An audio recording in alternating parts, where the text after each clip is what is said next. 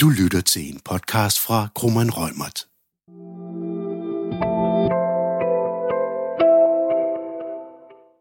Velkommen til Krummeren Rømerts udbudspodcast. Her vil vi samle op på nye udbudsretlige kendelser og andre nyheder, som har relevans for alle, der beskæftiger sig med udbud, både offentlige indkøbere og tilbudsgiver, og hvor vi løbende vil supplere vores nyhedsbreve med muligheden for at blive opdateret via en podcast. Ja, og i dag skal vi snakke om nogle af nyhederne og kendelserne fra december 2019 og januar 2020. Og dermed er dagens podcast også en mulighed for at blive opdateret på seneste nyt, som er en tilbagevendende podcast, men i kommende udgaver vil vi også gå dybere ned i aktuelle problemstillinger. Jeg hedder Andreas Ries Madsen og er selskab af min kollega Christina Carstensen. Lad os starte med en kort nyhedsupdate. Med overgangen til 2020 er der kommet nye og lavere tærskelværdier, som det er rigtig vigtigt at være opmærksom på. Det gælder både for varer, tjenesteydelser og bygge- og anlæg. Eksempelvis er tærskelværdierne for ikke-statslige udbudspligtige varer og tjenestydelseskontrakter nedsat med ca. 50.000 til nu 1.595.000, og vær opmærksom på, at de nye tærskelværdier allerede trådte i kraft den 1. januar 2020. Fra flere sider så er der også blevet budt op til dans om grønne indkøb. Senest har Dansk Industri i januar offentliggjort et nyt udspil til, hvordan offentlige indkøb kan gøres bæredygtige uden unødige omkostninger. DI har helt konkret lavet en spørgeskemaundersøgelse blandt de største vareleverandører til det offentlige, og 80% af dem tilkendegiver, at det offentlige, altså efter vareleverandørernes opfattelse, ikke køber grønt og bæredygtigt ind i dag. De svarer, at det offentlige ofte tænker på anskaffelsesomkostningerne, men ikke på bortskaffelsesomkostninger og efterbrugsfasen.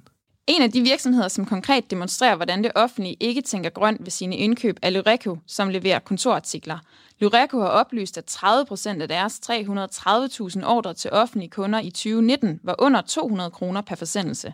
Det er et ret opsigtsvækkende eksempel, hvor blandt andet en folkeskole om mandagen får kørt en rulle tape ud, for så om tirsdagen at få kørt en saks ud, og om onsdagen noget helt tredje. Og ja, I kan nok høre, hvor uhensigtsmæssigt det er. Det er derfor klart, at der er et stort forbedringspotentiale. Den konkrete aftale mellem indkøbsfællesskabet Staten og kommunernes indkøbsservice, også kaldet SKI og Lureco, giver nemlig mulighed for ugenlig levering i stedet for daglig levering. Men det har vist sig, at kun tre kommuner har benyttet sig af det. Ja, og Dansk Industri de opstiller flere veje frem mod mere grøn indkøb. For det første kan man tage afsæt i EU's grønne indkøbskriterier, og eksempelvis kravene bag mærkeordninger som EU-blomsten og økologimærket. For det andet, så kan man også basere sit indkøb på totaløkonomien, hvor produktets levetid og driftsomkostningerne de indtænkes. En tredje mulighed er, at man inddrager overvejelser om og eventuelt stiller konkrete krav til efterbrugsfasen af produktet. Så skete der også noget spændende den 16. januar 2020, fordi klagenøven for udbud udsatte en sag for at forelægge Prævesels spørgsmål for EU-domstolen.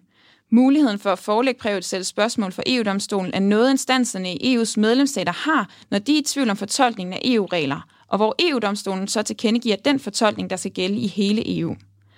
Og det er jo første gang siden øh, 2014 i sagen mellem MT Højgaard, Sublim og Bane Danmark, at klagenøven for udbud forelægger spørgsmål for EU-domstolen. Ja, den nye forelæggelse det er en sag mellem Simonsen og Vel og Region Nordjylland og Region Syddanmark. Den udspringer af et udbud af en rammeaftale om indkøb af sondremedier til hjemmepatienter og institutioner. Klagenævnet har besluttet at spørge EU-domstolen om, hvordan anstået værdi og mængde skal angives i en udbudsbekendtgørelse, samt hvad konsekvenserne af det, man oplyser i udbudsbekendtgørelsen er. De fleste udbudspraktikere er særligt det seneste godt halve år været bekendt med den usikkerhed, der er omkring rammeaftaler og angivelsen af mængde og værdi, og det er fuldt i halen af EU-domstolens dom i Autoritas, som er en italiensk sag fra december 2018. Efterfølgende så udgav Konkurrence- og Forbrugerstyrelsen notater om betydningen af dommen, men der er fortsat et behov for en afklaring. Ja, der har nemlig været meget usikkerhed omkring angivelsen af mængden og værdien af rammeaftaler, og alle udbudspraktikere håber på, at der kommer en afklaring med EU-domstolens svar. Men det kan nok først forventes en gang i 2021. Det var kort om nyhederne fra januar. Lad os snakke lidt om nogle af de seneste kendelser fra klagerne for udbud. Vi skal blandt andet snakke om konsortier, om tilbudsgivers forbehold eller selvfølgelige forudsætninger, forhandlingsmøder og muligheden for at indgå kontrakt uden udbud, fordi der kun findes én leverandør. Den første sag, vi omtaler, er Kylor Graphic mod Moderniseringsstyrelsen af 5. december 2019. Det er en sag, hvor faktum er en smule kompliceret, men sagen er juridisk interessant, fordi den omhandler konsortier og blev afsagt kort tid efter højesteretsdom i den såkaldte vejstribesag. Ja, hvis vi lige skal have baggrunden på plads, så drejede vejstribesagen sig jo om Vejdirektoratets udbud af vejstribmarkering. Det udbud det var opbygget, så tilbudsgiverne kunne afgive tilbud på hver af tre distrikter for sig. To tilbudsgiver de gik så sammen og bød som et konsortium på alle tre distrikter. De gjorde gældende, at det var et lovligt konsortium, fordi de ikke hver for sig kunne udføre arbejdet i alle tre distrikter. Højesteret anerkendte, at det kunne godt være, at det var tilfældet, men at det var uden betydning. Det afgørende det er nemlig, om tilbudsgiverne kan udføre den enkelte delaftale alene.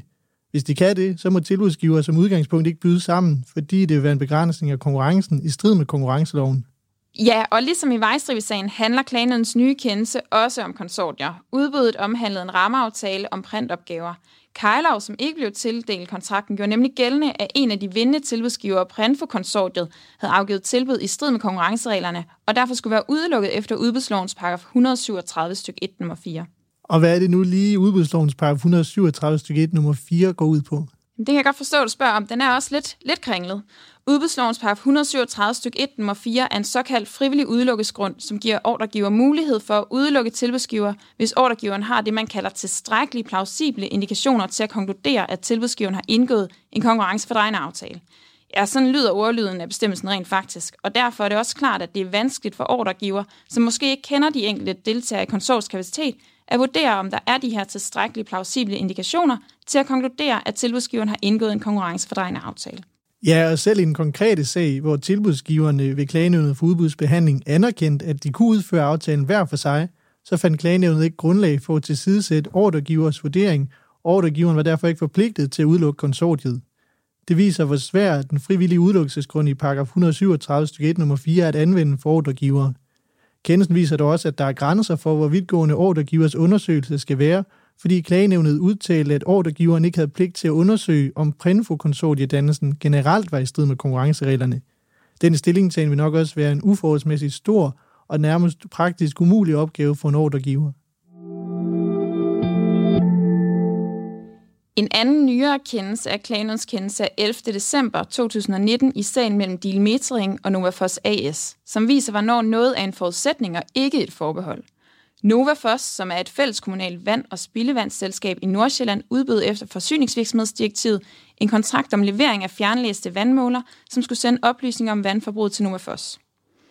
Kontrakten blev tildelt Kamstrup, og Dilmetring klagede, fordi de mente, at Kamstrup havde taget forbehold over for et mindstekrav i udbudsbetingelserne. Ja, det fremgik nemlig af udbudsbetingelserne, at hver vandmåler mindst en gang i døgnet skulle sende oplysninger fra vandmåleren til Nova Frost. Kamstrups løsning den sendte dataene via telenettet, og Kamstrup havde i sit tilbud angivet, at det var en forudsætning, at der var dækning til telekommunikation på de givende lokationer, og at der ikke var udfald i dækningen. Kamstrup havde også angivet på tilbudets forside, at tilbuddet ikke indeholdt noget forbehold. Klagenævnet for udbud fandt ikke, at der var tale om et forbehold, fordi Kamstrups indsatte forudsætning om teledækning ikke udgjorde et forbehold over for et grundlæggende element.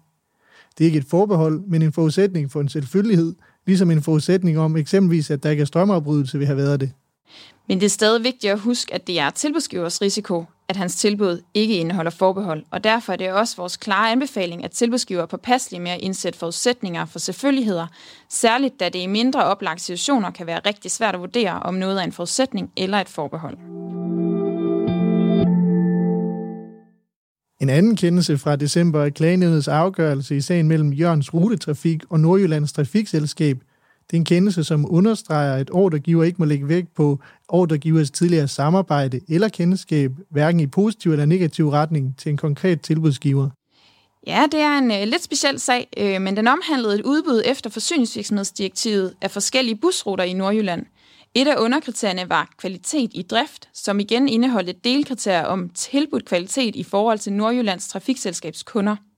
Det var angivet i udbudsbetingelserne, at vurderingen ville blive baseret på Nordjyllands Trafikselskabs erfaringer med tilbudsgiverne, herunder de senest opnåede resultater i Nordjyllands Trafikselskabs egne kvalitetsmålinger.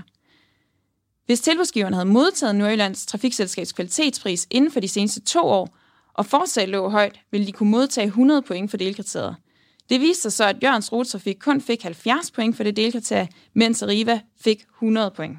Og så gjorde Jørgens Rutetrafik gældende, at det stred mod ligebehandlingsprincippet. Ja, og det er jo egentlig lidt sjovt, for normalt vil ordregivers favorisering af en tilbudsgiver på grund af tidligere gode erfaringer jo også være i strid med gennemsigtighedsprincippet, fordi andre tilbudsgiver ikke ved, at ordregiver tillægger tidligere erfaringer positiv vægt. Men i det konkrete udbud, så fremgik det jo direkte i udbudsmaterialet, at Nordjyllands Trafikselskab ville lægge vægt på, om selskabet tidligere havde givet tilbudsgiverne sin egen kvalitetspris.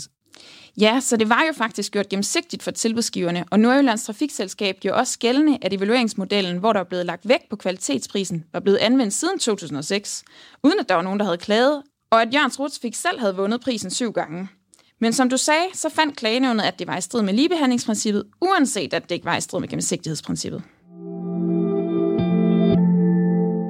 Den næste sag, vi kort vil omtale i dag, er klagenævnets kendelse fra 20. december 2019 i sagen mellem Smith og Nephew AS mod Region Nordjylland, Region Midtjylland og Region Sjælland. En meget vigtig kendelse for dem, der bevæger sig i verden for undtagelser fra udbud, i det sagen grundlæggende angik en klage over en kontrakt, der således ikke var blevet udbudt. Ja, sagen den omhandler regionernes indgåelse af en kontrakt om NPWT-behandling, som er Negative Pressure Wound Therapy. Det er en form for sårbehandling af kraftige blødninger under vakuum.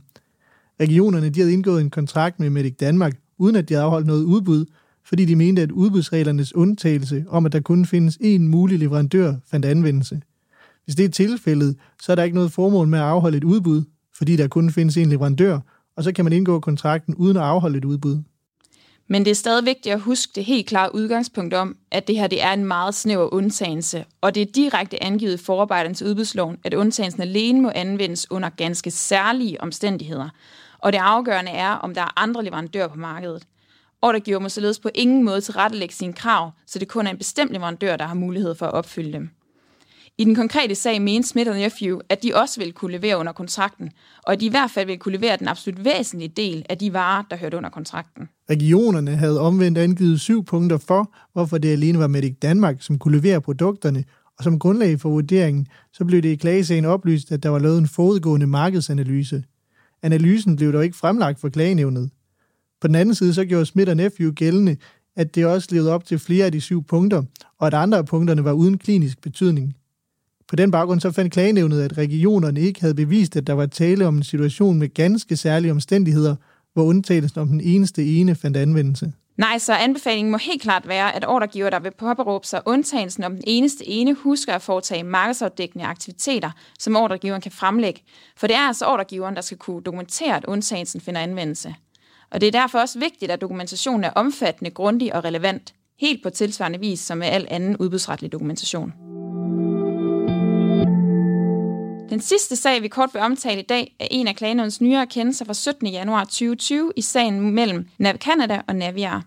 Naviar er en selvstændig offentlig virksomhed, som styrer flytrafikken i Danmark.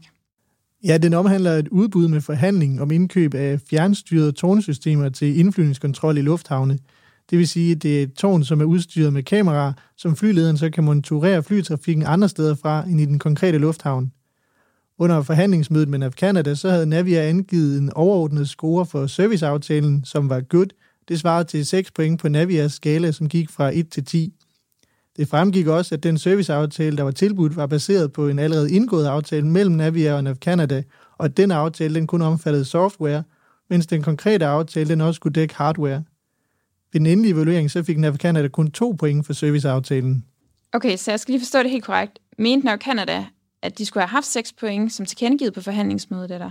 Ja, fordi NAV Canada mente ikke, at Navia havde gjort det klart, at bedømmelsen good alene angik softwaredelen.